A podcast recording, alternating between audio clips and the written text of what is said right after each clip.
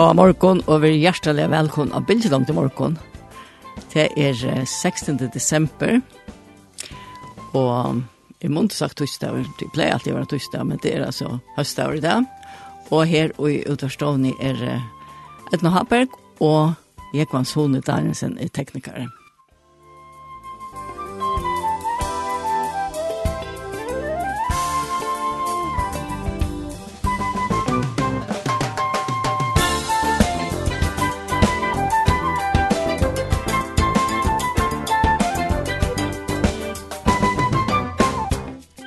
Ja, og nå norskast jålen jo, så vi færer, men da sendte ikke færre å være mest av jålen og sjålande, og jåla sanger, og prate om jål. Så at, og tid er eisen velkommen til som lurer å sende, sende inn ikke. Og sms-kipanen 2.13.24 er virkjen, og vet jeg vil stått til at finnes noen ikke om jåla sanger eller jåla solmar, så det er det velkommen til. Takk. Og annars får vi det eisne få en gjest, om Lagland Tutje, og det er Maria Andreasen Hense, vi får eisne ta oss om jól og spela jól Så vi er velkommen.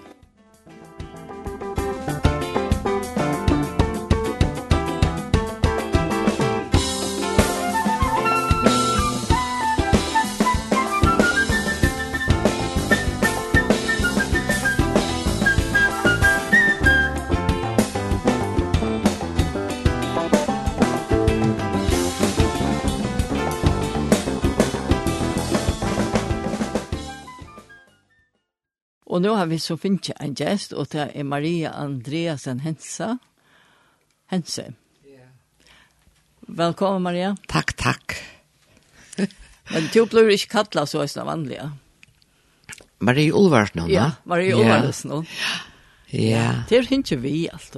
Ja, det er, en av grunnen til at jeg er at um, få det ordentlig, altså, dokumentere at det var det, men... Å uh, oh, ja? det var, det var, det var, fem hon. Jeg vet ikke hva det er nå, men det kostet 2000 kroner å få til, til, til å være mitt navn. Ok. Ja. Og jeg har ikke slipper penger til, så jeg tenkte det er godt. Jeg får det gratis, du får kalla med det bare lukkevel. Ja. Det hunker vi til mest til. Ja. Og, men det gjør det eisne, Batjemoen, han, det sier Jens i Ulvarhusen, han. Ja, det gjør det eisne, ja. Ja. Og til du ikke bor her. Och, och, ja, ja, vi er, vi er faktisk bare født inn i ute bygningen, altså. Jens er født i eh här och är bär alltså. Och är det där? Ja, i hver kursen kammare her, altså. Ja. Ja. Så Tjo, og vi narskas jolon. Ja. Yeah. Jolon har det uh, stor tydning for det. Ja, faktisk. Det er, det er en familiehøgtøy, ja. Altså, så som jeg opplevde det. Ja. Ja. Og altså, så er som mine minner er øyla gå fra badne av ta i eh, vi hadde stora familie, altså, lukka som ikke stora tjattne familie, det var bare pappa min og Jens og jeg og mamma, vi var fyra, men så hadde vi nekva mammebajar og og mostrar og systnabøten og så. Så det var liksom sånn tannfa, tanns, kan kalla man det for lenge det förlängande familjelag Ok, ja. Ja. Ja. ja. Det, det, var det er nærmest familie. Det er nærmest familie, men det er ikke syskon altså. Nei. Babbe, eh, vi Jens er yngst å få flere syskon, men det ble jo ikke til. Babbe helt av verden var så önd. Oh, jeg. ja, ja. det er alltid inte gott att sätta for en bøtten verden. Ja. Men så tar vi vår bli vaksen, så sier han, hei, vet at det blir så fitt, så hei, finns ju meg flere bötten. Ja. Ja. Så vi finner godt kompliment fra henne. Ja, så han var nok du vet ikke. Ja, ja, ja, og han var så forferdelig god jo. Ja. Jeg er stolt av hva nesten jeg har hørt. Og det er du tar hokser om jålen, vi nå får vi et til barndommen. Ja. Ja, og hva, hva kommer dere som framfyrer det, og hva er ikke tradisjonen i dag? Ja, altså jeg prøver å hokse noe så det er at når du spurte meg, um, jeg, det er faktisk øyne ting som streifer for å bo i minne, og eh, lekta av kom tankar om. Men jeg røyna hoksa hva var det første minne er jeg, det, ta var her jeg skriver nekka ungtøy, det minne er ikke i no. Ja. Det virkar og en ærar stove og eh, ut i hans om Jans Oh Å ja? Ja. Ta akkurat som jeg minnes det, at vi slapp inn og jola treet var pint Og ta på vi til Jans Petsen og gått tjej Og her er vi flott hjem i Olvarus. Og kjør, men, men det er født i Olvarus nå? Ja, vi er født, og, og begge født i Olvarus nå, og her var bo her enn tøy. Men så flyttet pappa nyer, til han skulle teka tøy innenfor maskinmesteren til vi siklingstøy og sånt. Og så var mamma vi, vi bodde amager ta. Nå. No. Og, og eh, så flyttet vi heimater, og ta var onker annar leia i Ulvarsen, så måtte vi bygge firebils i, i direktjøsen. Og så nesten, ja. Ja. ja. Og ta er du ikke vært så gammel? Nei, men jeg har alltid flyttet hjem til jeg var tjejer. Ok. Ja. Til, og, hvis vi husker om det, så kom vi jeg etter, og så kom ni igjen, og Ulvar og så bygge og så, men uh, hvordan var vi i Jolagavun? Og... Altså, faktisk, det var jeg, altså, det er ikke som det er, altså, det, det, penger var annerledes da. Ja. Altså, penger er penger, det vet man, men det var ikke penger til, altså, og, med, men jeg minns man kjøpte små gaver. Ja. Ikke, ikke sort, ikke noen ting som kostet flere hundra kroner, altså. Minns man fikk av løsene penger, og så kjøpte man akkurat, um, du vet, jeg skjønner, jeg kanskje fikk omkring dukke, og, og sånt. Og så, men, altså, et ting som jeg minnes at jeg kjøpte til mamma, det var, jeg var ikke Sam Olsen, det var bare vi tjokken. Å oh, ja, ja. Og her er jeg kjøpt en sånn, jeg vet ikke om man kallar den asieteskal, en sånn skal som man kører gaffelbitar og og sånt. Det var en fisker, en glasfisker okay. faktisk. Ja. ja. Og altså, jeg minnes hvordan lekkert det var for inn i handelen og bestemme hva jeg ville kjøpe og alltså för och så får man hem och packa det in. Du tar bara inte packa i handeln. Nej. Inte så fint som man gör det. Att det blir packa i handeln, jolla papper och och yeah. slöjfe och allt sånt. Ja. Så det det tilläggas som en ting som är minst det här är man får til Sam Olsen, Thomas Dam og Lutzen her nere. Det var rævla nek stilla fram alla mulige lekra gaver og ja, og Helf Arnason eisne. Å ja, det minns det eisne, ja. Ja. ja. Jeg minnes godt at jeg Helf Arnason var det en dukka som jeg yngste meg, som var vindan hon. Og jeg hukte kvann det etter hans dukkene. Du, og så en dag så var hun vekk. Og så tenkte jeg nemlig, oi, så var kjett. Men da var det til mamma jeg ville kjøpt da. Nei. Ja. ja. Da fann jeg det var han at hun var under jolletrenen. Ja. Ja. Åh. Ja, så ska jag att minna sorg. Jeg tror så var en handlajs där uppe vid, ved Søyna Jotto. Där så Jotto. Nissenar. Jag kunde inte Vet han Nissenar? Ja. Ja. Her var öla näck fitta på. Ja, her var, vi köpte ofta. Men i minsta lukta i öla största möltabletter. Kulon. Ja, mölkulon, ja. Kjørt det til? Øyelig, det er det som jeg minst om tannhandelen, ja. Ok, ja. ja. Og så var det en annen handler nere, kallet det ikke kraken.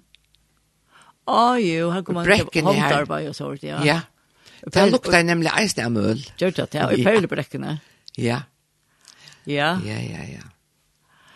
Til, um, og så uh, tenkte jeg på, altså, selv om Nå kan vi teka lefis. Vi slår spela några jolasanger. Ja. Og to hei... Ja, kommer, vi må komme i jolastemning. Vi må ordentlig, det skal være ordentlig jola, jolasending. Og to hei ein Ja, jeg husker, jeg vet ikke om han har funnet hans sannsyn. Her kommer Jesus tøynes med. Det er til at hans sannsyn blir øyla øla gåvi, Uh, skolakåre i, skolan.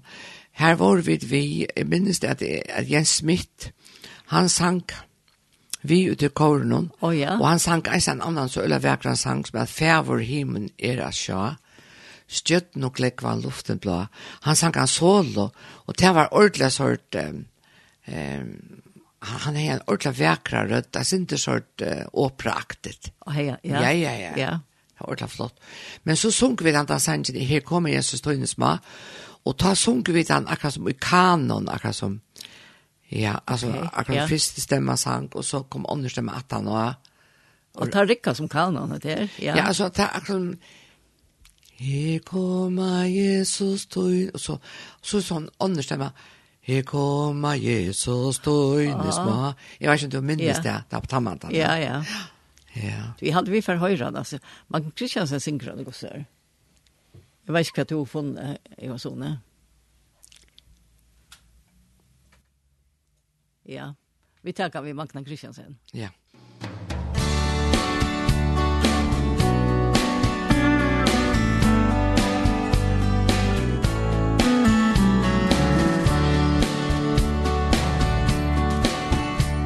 Her koma Jesus tøyne små Til tøyn og i betla hemma ga. Og pløys du okkun sal og sinn At finna vegin til tøyne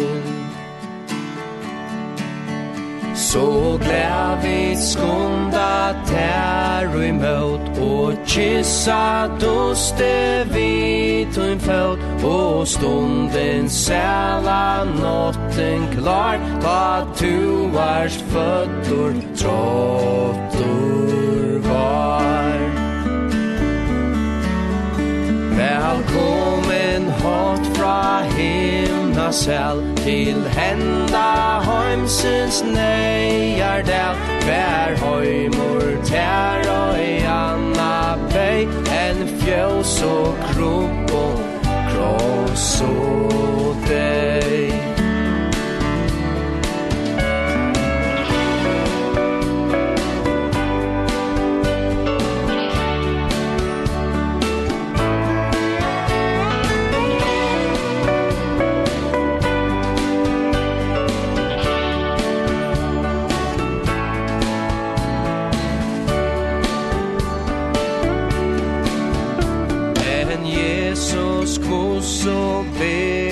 til så favor gator djeva vi to hjartans kærleika tja tær til drøv fra himle hörmonär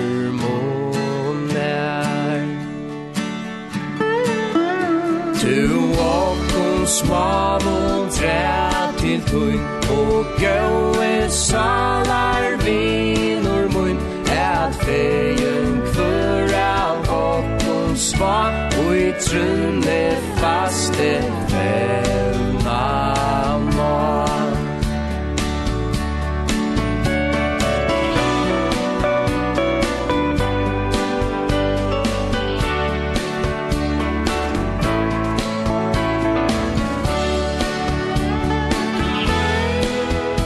Let vera nøy vi suine makt kors fra døpsens bang Men djevar lanseladlor mat Til tuin, til tuin, Ui i høylom stad.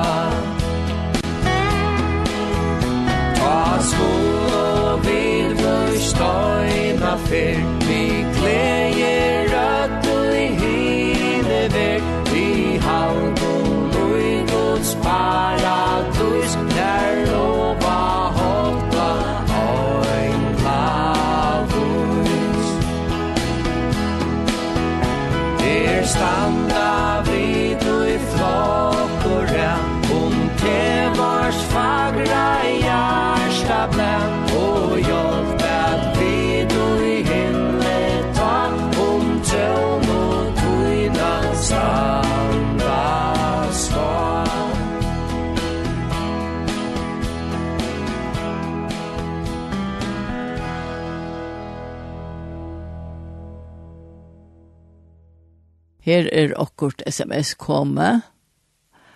Um, her stendte Gå etna og Maria, jeg har ikke sang ikke, men jeg sitter bare og njøter tikk om boer, og sangen er gledelig og godt nødtjør. Så helsa.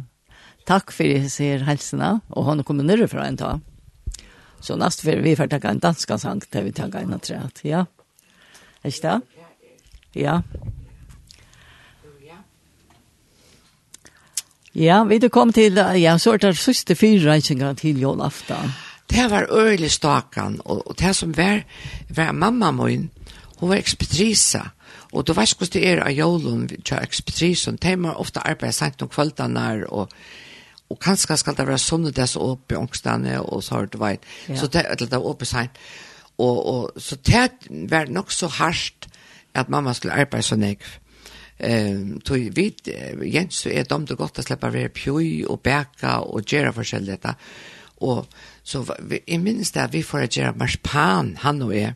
Oh, ja. Vi hade en liten marspan kvöt, en sån liten kvöt som man fäste fast i borg, akkurat som tar man gör knätter och sånt. Oh, ja. Men det var en sån liten kvöt och och vet du det skolta mandlar och och, och då vet man smutta mandlar och så så skulle det där skäras och smått och så och ju kvøttene, fötterna. Ja. Och så skulle man mäla det och flyga för och så blanda det vi flormelis elta det. tog ja, vi skulle göra marsipanfigurer och ta hadde vi se bäge Frans Restorff och tettene, så var vi så inne och en handels med tätnan. Ja, ja, jag minns jag från Stresta och lov allt möjligt. Ja, det var jorper och goda rötter och så. Det formas som allt möjligt. Och så man hörde fruktfarve och ja. Ja. Och så hade vi sett det här och och, och just det var span men det var stadigt länge tog alltså vi var begynte jag var inte när vi det begynte att göra det om det var 18 natt men svövner kom och kom så att mamma kom åter från arbeid. Da så lå vi bare svåve i køksbordet, vi ødelmørs panen og nær. Så, så til, var det blevet til marspanen, kjøtt du Det, det ble til marspanen, det var det datta sin til at sånt, det minnes det er illt, okay, ja. men mm. altså, vi, vi, det ble så finnes vi gjort mer dagen etter, det var, vi var, det vi var ordentlig engasjeret det skulle være eh, marspanen. Ja. Det er så øyla spennende. Og så gjør det man ja. eisen marspanbrei, vi eh, fikon, blandade det vi fikon, ja. og, og, og så fylte man slutt av rundingar og dadler, minst du til heisne? Ja, vi, vi gjør det imes, ja, og, ja. og, og i, vi trekk sjokolade. Ja, nemlig. Ja. Så altså, det var forskjellige sår som vi hørte vi til til jolastagene, og så hørte vi denne fasta tradisjonen, og det var å gjøre akkurat egna maltøl. No. Ja. Eh, det var sånn patsje man kjøpte nye gongene, og han et etten kambrin eller gambrin, og det er fast fær ikke langer, men det var malt. Og det blandet man sammen vid soker og lusendrager og så snakk vatten, og så skulle det til stand til alt annet døgn, og så kortet man til fløsker. Oh, ja. Og så stod det kaldt på loften og her, og ble klorst til jøler. Seks viker skulle det standa. Hatta vi ongat hørst om. Ja, ja, ja. ja. Og så, så gjørte vi, så hette vi sitronsoda vatten, blandet det på i, ja. av jorden. Ja. Det var ordentlig nekka spesielt, altså. Høttet at vi nåttra, esne, ta, ta vi bjør i folk til uh, joladianar, det var det. Ja, ja. Og så var det en annan ting som ordentlig er nekka som gjør i minnest godt, at det var det at mamma og pappa må ha bestilt um, eh surepler. Man fikk ikke nek sår for. Det bestilte tvær kasser av sureblån. En at koks Orange. Å oh, ja. Og en at Ingrid Marie. Ja. Og der, eh, der stod så på Åsloft. Um, Jens og jeg hadde kamer og var her, eisne. men det stod ut i gongen, det har stått kaldt. Ja. Og all loftet dufta i av seg läckra suruplen. Ja. Og, og jeg vet jeg, det er for ta är för handlarna nu. I den så så Ingrid Maria ta rundt om Joltot. Det är till sälja reja. Jeg vet ikke du. Ja. Og, og hvis jeg finner or, or, koksranche så må jeg ta et suruple opp og lukta lukta til det. Ja. ja. Det er så lekkert, altså. Men jeg hadde suruplen det at det lukter ikke på samme måte som det gjør gjorde förr. Jeg vet ikke Jeg vet ikke om det er sur på et eller annet. Eller er det nøsen, nøsen til akkurat som er ferdig. Jeg sa nemlig at nå er det en koks oransje, så ta et minnene ferdig gang, så. Ja, ja, ja, ja. ja. Men det er eisen til en heile kasse hos deg her oppe i lukta. Ja, ja, ja. Vi fikk pakka nere fra om og sysra og korsør. Det var alltid sure blå i. Ja. Så man kan ikke ha kjøpt det her alltid. Nei. Det det, jeg er ikke, det er ikke vi er nekva for. Nei, det er ikke vi er nekva, ja. Du, så var det bætjeng. Eh, mamma var sikkert bæka kleiner, du, at jeg, jeg myntes Jens, jeg ringte til han Gjørskvalde. Å oh, ja. Og det skrek for at vi minnes da vi drar bøtten og vekst opp sammen. Somme ting minnes det en mer enn hina. Ja, og, og annars vil kleiner selv, ikke vi munsterska soja. Men jeg var sist nabat som, hun bækka, hun bækka alt kleiner, og hon platt alltid att ge mamma en kassa klein oh, ja. och ta fick jag ästen på sig av. Och det var så läckert. Alltså det, det var ästen en klein uppskrift som rann i familjen. Och var det det? ja, ja, ja, vi kallar mommon okej okay. ja, ordentligt läckert. och så eller sådana här nej, det är syns brötar ja. Ja. Så ja, men vi får vi ska höra Sanche, vi får höra, helst vi ta ta um, julen här England. Ja, julen. Ja, jo, jo, jo, ja, jo, la var engla jo. Ja. Ta, så, vi hørte han alltid at danskund, det er nok til en ikke var noe førsk opptøka. Ja, han sikkert var omsett, men ikke opptøk, ikke Nei. Så, så. nå til vi er i at vi er minnen her, så får vi ta tilgang av danskund, altså. Ja, det er stort litt, ja. Ja,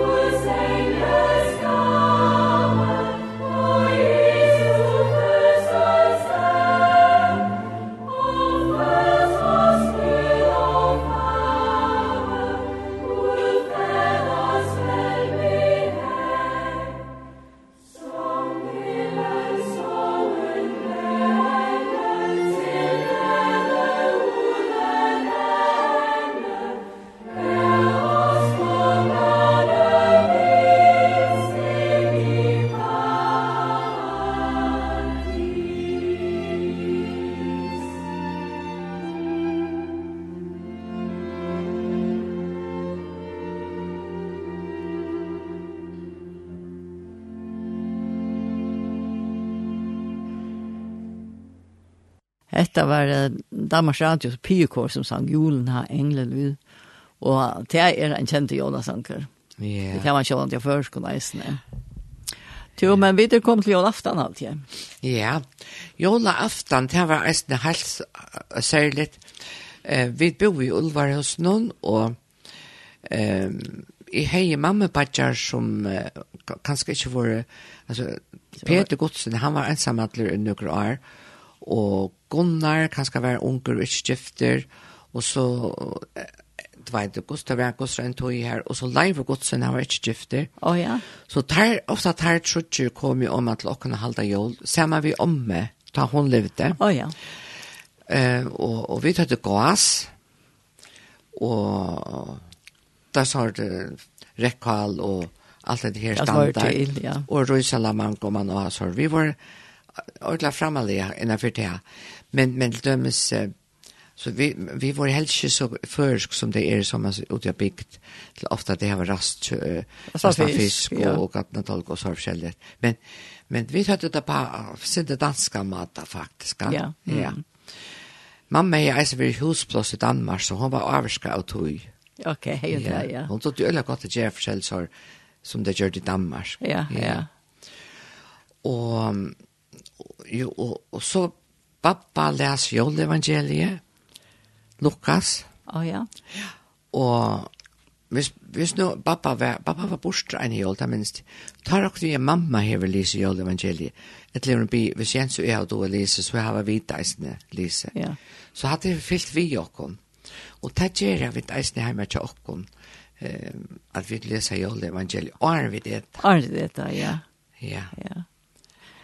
Jo, en, nu heter det en parentes, det var en man som säger att uh, hans här adventskalendare, det var Lukas, han begynte vi Lukas 1, 1. Yeah. december. Ja. Yeah. Så läser han en kapittel, kvendt det, og Lukas har 40 kapitler. Og så er det akkurat sørst. Ja. ja, fantastisk. Jeg har alltid hatt her, og godt hoskutt, og jeg var vågjere i eisene. Ja, det var den. Ja. Ja. Og Ja, så hadde det til jola aftan, og så skjønte jeg å pakka gaver opp, men at jola treet, det sa man ikke fyrir jola aftan, nesten, ja. Men Det ble ikke pinta for kvart fire, eller akkurat. Det ble pinta i alle hemmelighet, vi slapp ja. ikke vi pjøytøy. Nei. Og, men en ting som jeg minnes om at her vi jola peron, det er så jola treet, det er jo sånne eh, livandljøs, og det var, måtte ja. bare tendrast da vi var inne i tjato, ja. Ja, jola treet. Og jeg minnes godt til at, at mamma og pappa kommer med at vi vi just i Tone i England og tatt dere med hjemme at de hadde kjøpt sånne kjeter, jøskjeter til okken i farven. Og det var rævlig spennende å slippe pinta jølatræ vi tog i. Altså. Ja, ja. Det, det var mer spennende for eld. Ja, for egentlig er en av for minnes det eisen til middeljøla og nyttar, var være Da kom jo ofte sistna bøtten og, og, og, og vinfolk heim og spela og tjokkon og jolvarsen og så hadde vi tendra jolatræg og da kom eldre og ja. Og, men tog bedre finner vi sløkta, men det ble en øyde skrekker. Til jolatræg ble jo bare torst og farlig da. Det ble ordentlig torst, det stod inne så langt. Ja, ja. ja. ja. Så, men vi fikk sløkta, ja. Jeg mens vi tatt alltid en spann vatten vi så inne, ja. Ja, i vi det. Det skal være jo sjåret. Du vet støtte vatten, det er det minste. Jo, men, men, for jeg kommer, men så er det jo flere jola det er, og så er man ja. ser man med familie. Og så er det så, første jola det har vi nok bare slappet av og lyse bøker som man finner, og jeg minns man kunne ligge lunch og lese, og sove lunch og alt sånt, og metter og velsetter. Og så anna jola det, da ble det atra en sånn familie der. da får vi ut til en skottesen, og det var fast, mostrar og og, og, og mamma badger, og bøtten kjatt heimann. Ja. Og så et, fink, jeg heldig vi fikk en nottra, og, og så samleis vi ødel stoven jeg fann, og her spalte vi ødel møvelig instrument, ødel som tog til å spille akkurst skulle spille. Det var ja, bare håten, og det var, eh, det var klaver og orgel, og og harmonika hvis vi ser til den live godsen då det bara harmonika. Ja. Og mandolin og mandola og gitar. Og så kunde onkel spela varsebrettet. Okej, ja. Ja. Og, så så kunde og de som ikke stod til å spille nekka, de slapp å få en kamp vi Vespapur. ja, det var minst. Vespapur, ja. ta, det var sint mer så støft ut, ja, man ja. kunne blåse det. Men, men uh, det er hvis man gjør det, så må man bruke eh det onkur sem man kan bruka sigarettpapir så man battlar sigaretter vi. Ja ja. kan kanske. Ett bärgepapir. Ja, det är nog det samma. Jag har också brukt palexpapir. Ja. Men man blir öla, varran blir öla så ett bedöva är att när du blåstar när lötet och att det vibrerar så öligt. Ja. Jo, men det är väldigt öliga fest. Det var en flott orkester. Ja. Så det är, är för att fira fjörsara dagen som är till vi 2. februar i 2020. 0202 2020. Å oh, ja. Det var et ovanlig dato. Ja. Og da visste man ikke om korona. Eller jeg vet at jeg ikke hørte her i førjen så leis. Vi kom her til. Og um, så jeg slapp å halda følelsen i panorama. Vi nekk om følelse. Jeg bjør jo til siste av bøttene. Og så helt det til at um, at jeg skulle heve akkurat fra minnen og fra ta vi var sammen som siste bøtten og og og og og Anna Jola der. Og eh så snakket jeg med Jens og Jens Christian Benjamin. Oh, ja. Spurte om de kunne sette sammen et, et så lydig orkester av folkene i familien som spalte i akkurat instrument. Jo, det gjør det der til at det var så flott. Altså, ja. Ja, det spalte Svinja Marsen, Kjærens Godsen, og, og forskjellig anna, og, og, og Altså, det var så lekkert og lovlig. Det så örgat at det ikke ble ordentlig tidlig opp. Det är er och av telefonen. Oh, ja, ja. ja. Så onkel hevde av telefonen, men det är ordentlig fantastiske musikker, altså. Ja. Og läckert altså. Vi, Stort vi strandjon og vi harmoniker. Ja. Og värst. Vi fick uh, Bo Godsen spalte varsbrett. Han åtte et ett varsbrett. Okej. Ja. Jeg glemte hvordan det gjorde jag. Nej, det er också så det ger rytme og, og du vet ja. man brukar en post. Ok. Ja, det brukar yeah. postelja eller så ja. Så det var ordentlig festligt. Ja. Men nu, och, och, och skapte sammanhåll där. Jag stod till att här minnas att dra i Ja, ordentligt, ordentligt. Ja. ja. Och så är det här att jag har ju bo era i, i, i, i världen, för man hilde aftan. Eh, oh, ja. Men Kanada, var det så at de helt ikke jola aftan. De, hadde, de, de pakka jola gaver opp jola morgona. Oh, ja. Her er det at jola nesten kommer ned gjennom skorsteinen, og du vet, du skal lägga smakkaker og mjölk til henne her i vi fireplace altså. Ok. Okay. Ja. Men til det att familjen her i hon var stamma fra norra så de hällde julafton og jula det. Altså, dette var et, så vi feirer i bæg på norska matta og på kanadska matta ja. og alt, ja. Det norske var det nesten som først.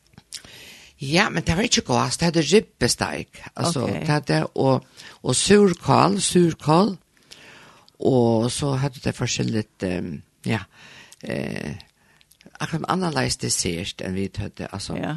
Men det var ordentlig lekker, deilig jul. Og så hadde det julebår den etter för man hei alt møvlet rester från julafton og eh, alt møvlet eh, anna läckert. Ja. Så på norska matar vi vi eh, akkurat som du leier på lägger pentabor. Det gjør det altså på norska mat. Ja. Og og hon bäkar i alltid om man, altså mamman her i Kanada. Eh, hon bäckade alla möjliga slag kakor som eisne var skandinaviska, sådana som jag kände fra, Och det var, ja. hon bäckade inte kleiner, men hon bäckade några som hon kallar det smultringer. Och det var faktiskt runder, alltså, det var rundeformer, alltså, det var ett, men man smakade på samma som kleiner. Okej, okay, ja. Och, och så gjorde hon förra jul och, och begynte nog slanche är jola det att göra julebröd. Och vetekake, og det var, det var gjerdager. Oh, ja. Vetekake, det er som ordentlig luksus franskbrei, som er sinter mer funt enn vanlig franskbrei. Her er bare egg og alt mulig ui. Og det smaker helt utrolig vel, at vi en drekka vi ost. Men julebrød, det heier eh, rosiner og sukat og appelsin, petter, du vet sånn som man kjøper sylta appelsiner. Oh, ja. Og sylta i kirsebær, skor sunder, og, og så bæg myrska rosiner og ljósa rosiner. Og det var altså, en slags gjerdag. Det ble jeg så rævla glad for det. Og det har vi fyllt med, altså jeg har tidsdag vidt til førjer, altså tantraditionene, at gjør jo, og mine bøten, det halte ikke det jól for det jeg finner julebrød. Ok, hva har minner om, om angiska jólakak? Ja, nei, men det er ikke så løs allikevel. Okay. Det er et, akkurat som et gjerdage, til ja. lattere. ja. og du, er, du kan hava smør, smør på og ost, tønn, okay, sant? Ja. Så du kan eta det til morgen med til dømes, og et eller annet drekka man om ettermiddagen og sånt. Så det er fantastisk, altså. Ja, ja. ja. Så jeg, og det, jeg ble inspireret av at du slå ut sendingene, oh, ja. jeg har bæka julebrød og søster tverdegene. Du tar teget tverdegene og gjør det. Du, det skal heva en trutja fyr, kaldt. Ja. Så jeg var oppe klokka halv seks om morgenen og beka i det. Så nu er det klart? Ja, ja, ja. ja. Og det helsa lunsje kunne du også med? Ja, men jeg frister det. Oh, ja. Og så fer jeg beka meg til, ofte bruker det til foreringer. Å oh, ja. Ja. ja. Jo, men vi skulle de eisene fære inn at ta tåse om uh, en, en stol som du skriver, men nå må vi etter høyre en jolasang. Ja. Ja, jeg vet ikke akkurat hva vi skal tenke, for er... Ja. Skal man taka kvirra? Vi har haft kvirra, men kunne taka nere utgave. Takk Lenisa? Ja, Lenisa sang. Ja. Har du funnet han? Ja. Vi er for å høre Lene Andersen til Døtte Marie, som synger en sang. Det var Gjørst han selv. Hånd og Niklas? Ja. Ja, han var det.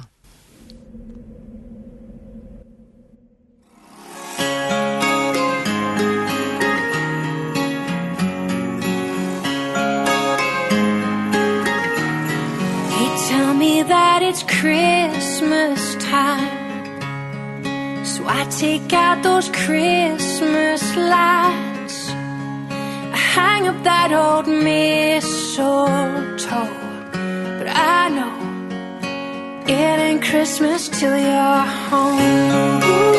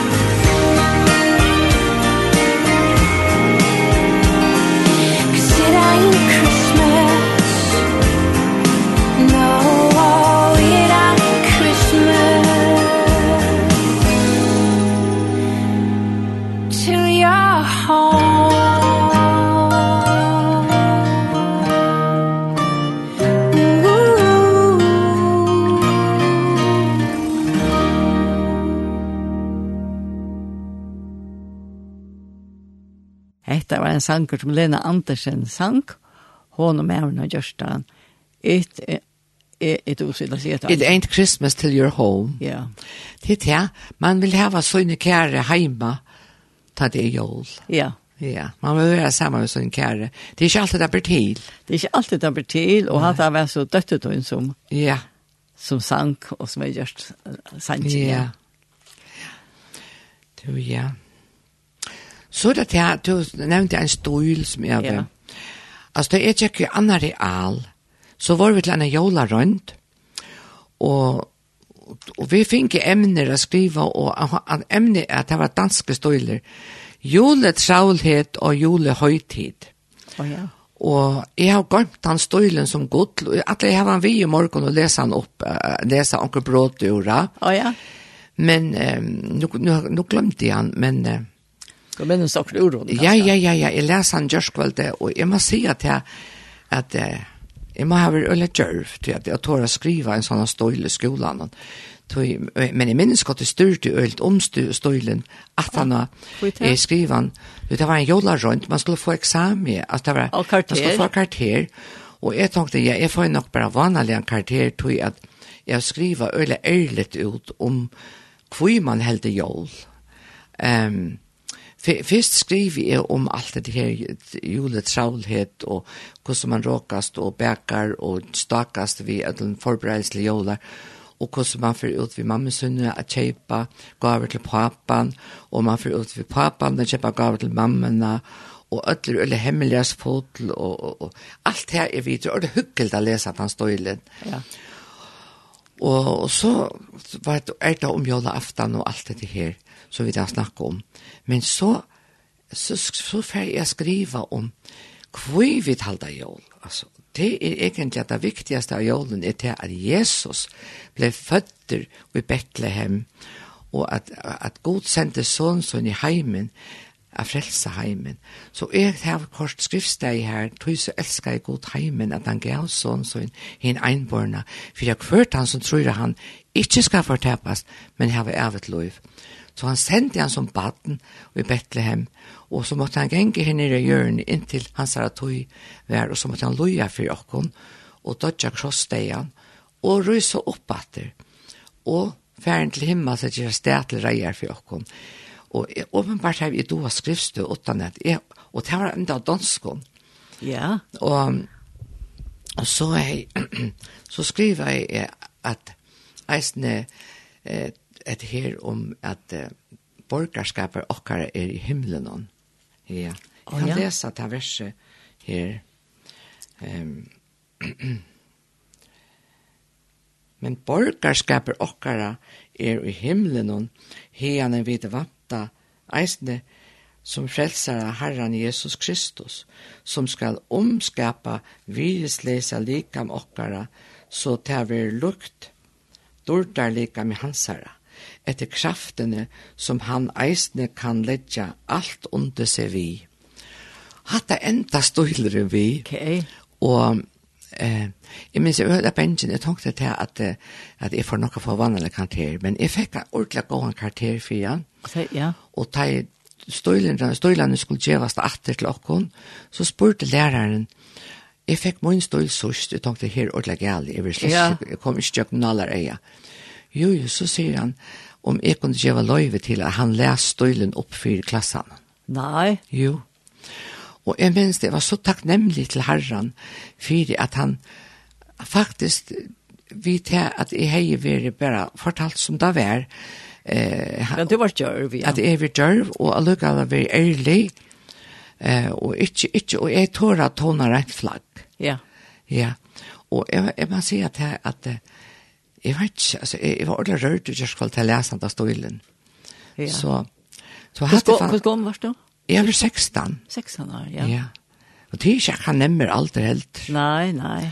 Men, men, jeg, men jolen, jeg har sett så mye gode, gode minner og i alle søvner man har hørt eisene og i, i samband med jolene, altså, og i samband med at man selv er kommet å kjenne Jesus som sin frelsere.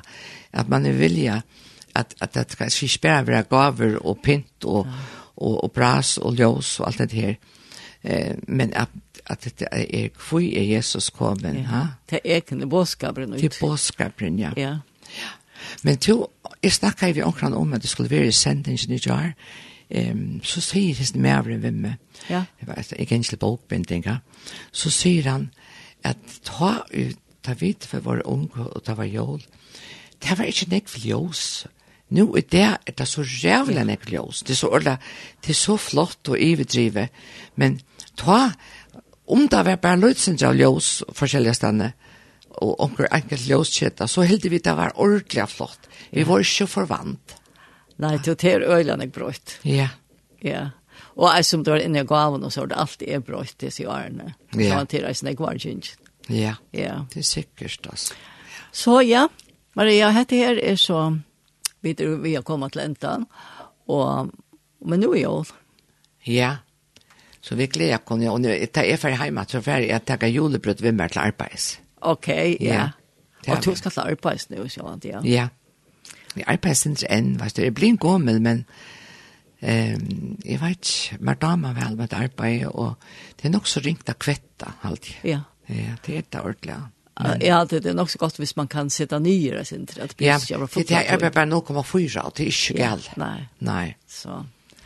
Men og, ja, men det er ordentlig, Deilig kan släppa att det är ordla kommer ju stämning så. Ja. Så nu å pynte li og ta meg til mer. Ja. Till men och tack för at du komst nu. her bara inte sovna. Ja. Och vet du, jag är kom i alla stämning. Ja. Ja. Ja. Og her er eisen pinten her på en tullentene. Ja, så er så deilig, ja. Jo, men jeg husker jo om at for enda vi en og som to synker. Ja.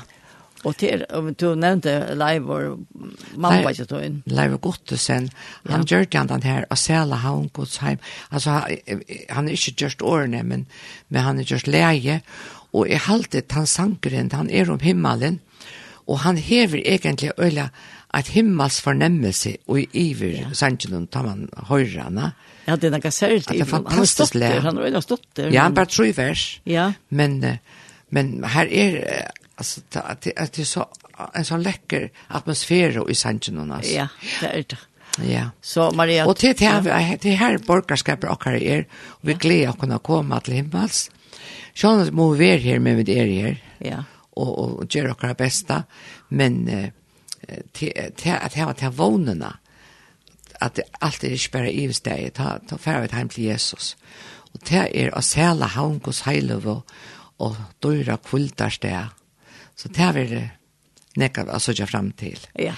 Ja. Og så er vi vidt enda vi Tusen takk for det, Maria. Ja, og takk for du bjør meg inn. Det hadde vært stått til at det kommer kjøttere i jordastemmen. Ja, ja. Det kommer, det er kveit jo alle minnene og sånt. Ja. Så, ja. Ja, og man skal eisne be etter at ødel få gå jól, de som er rundt om og til, det er jo ikke alltid så hyggelig til ødelen av jólen. Nei, det er sant. Og be etter at, at folk får være gode og kan annan av jólen, og, og ikke drekka seg fotland og sånne. Det er nemlig ikke stort til kjøpøtten. Nei, det er ikke ødelen som er det godt. Nei. Nei. Ja. Og Sælehavn.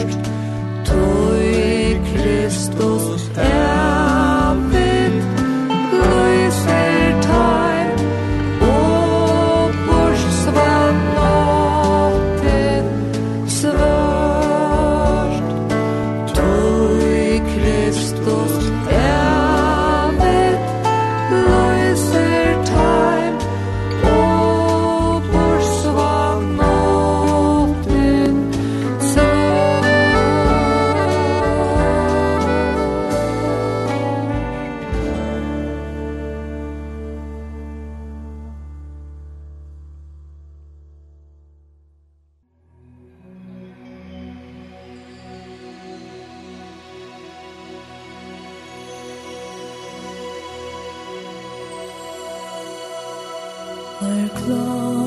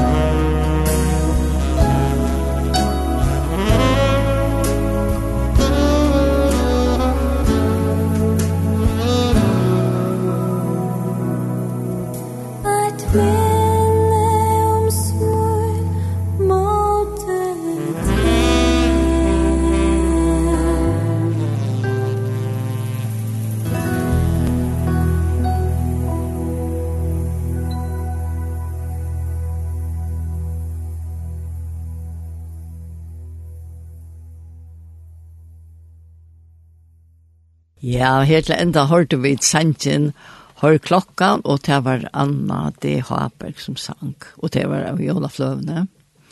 Og æren til så tås vi, vi, vi Maria, Maria Olvarsson, Maria Andreasen, hense var gesturkjøkken, og vi spalte, ta hova li, og ta spalte vi til og Selahavn, og Maria Sanktan Sanchez, og mamma kjenner live for vi gjørs leie til hans sannsyn. Så at nå er vi kommet at enda av hese sentingen i morgen, og her i utvarstående er Jekman Sondagensen, tekniker, og Etna Haberg. Så ikke du kan øtle en gledelig jól og herre sikning. Musikk